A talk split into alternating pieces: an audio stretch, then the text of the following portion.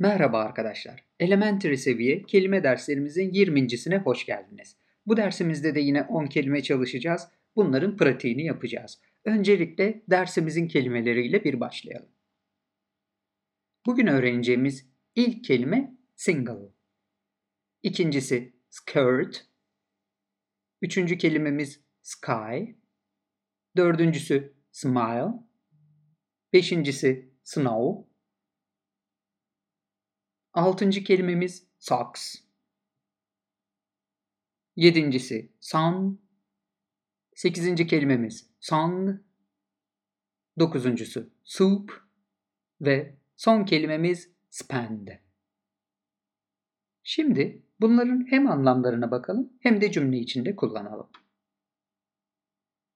İlk kelimemiz single, tek ve bekar anlamına gelir. Hem tek anlamında kullanıyoruz hem de bekar. Bakalım Tom and Mary are both single. Yani Tom ve Mary ikisi de bekar diyoruz. Both burada ikisi de anlamına geldi. Skirt etek demektir. Those shoes match this white skirt dediğimizde o ayakkabılar bu beyaz etekle eşleşiyor diyoruz. Uyumlu diyoruz. Match eşleşmek demektir. Uyumlu anlamına gelir. Maç kelimesi de buradan gelir. White beyaz demekti.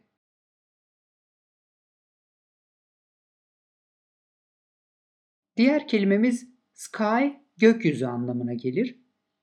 The sky was partly cloudy this morning dediğimde gökyüzü bu sabah parçalı bulutluydu diyorum. Cloudy bulutlu demek, partly cloudy ise parçalı bulutlu anlamına gelir. This morning de bu sabah demek. Dördüncü kelimemiz smile, gülümsemek demektir.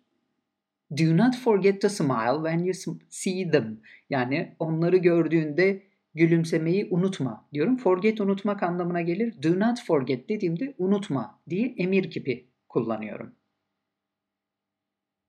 Diğer kelimemiz snow hem kar demektir hem de fiil olarak kar yağması anlamında kullanılır. Bakın it will probably snow tomorrow yarın muhtemelen kar yağacak diyorum. Bakın will gelecek zaman oldu. Probably de büyük ihtimalle muhtemelen anlamına gelir.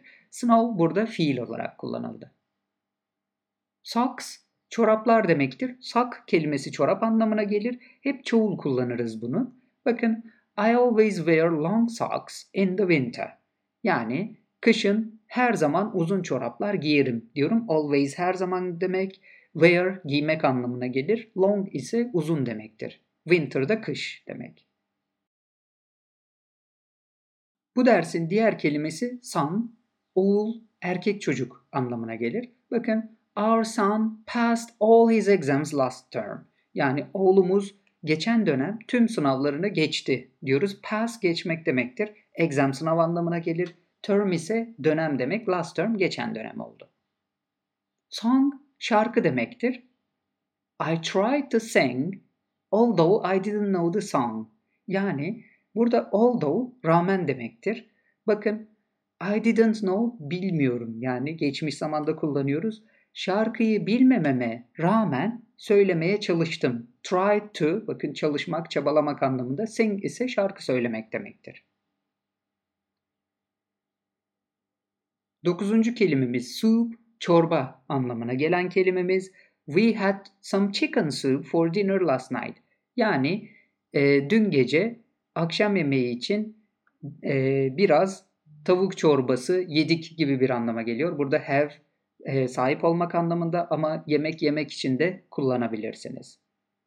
Spend harcamak demektir. Hem zaman harcamak hem de para harcamak için kullanılır. Örnek cümlemiz Tom didn't want to spend as much money as Mary did.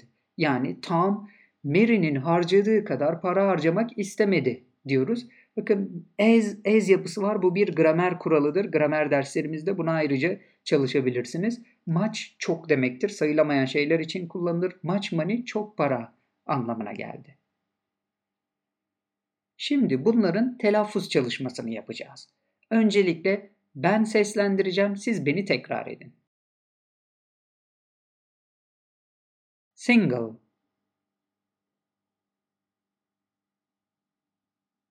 Skirt.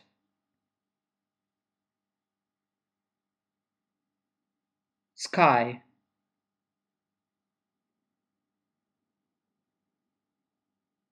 Smile.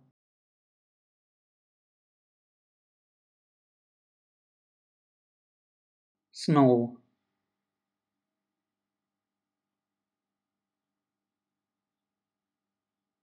Socks.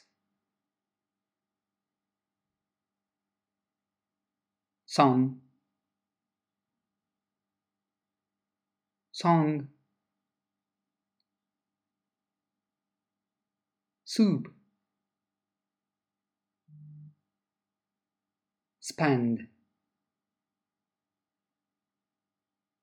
Telaffuz çalışmamızı da yaptık. Sırada bu kelimeleri bir okuma parçası içinde kullanmak var. Şimdi parçamızı okuyalım ve çevirelim. Bakalım hangi kelimeleri kullanmışız. Başlığımız shopping alışveriş demektir.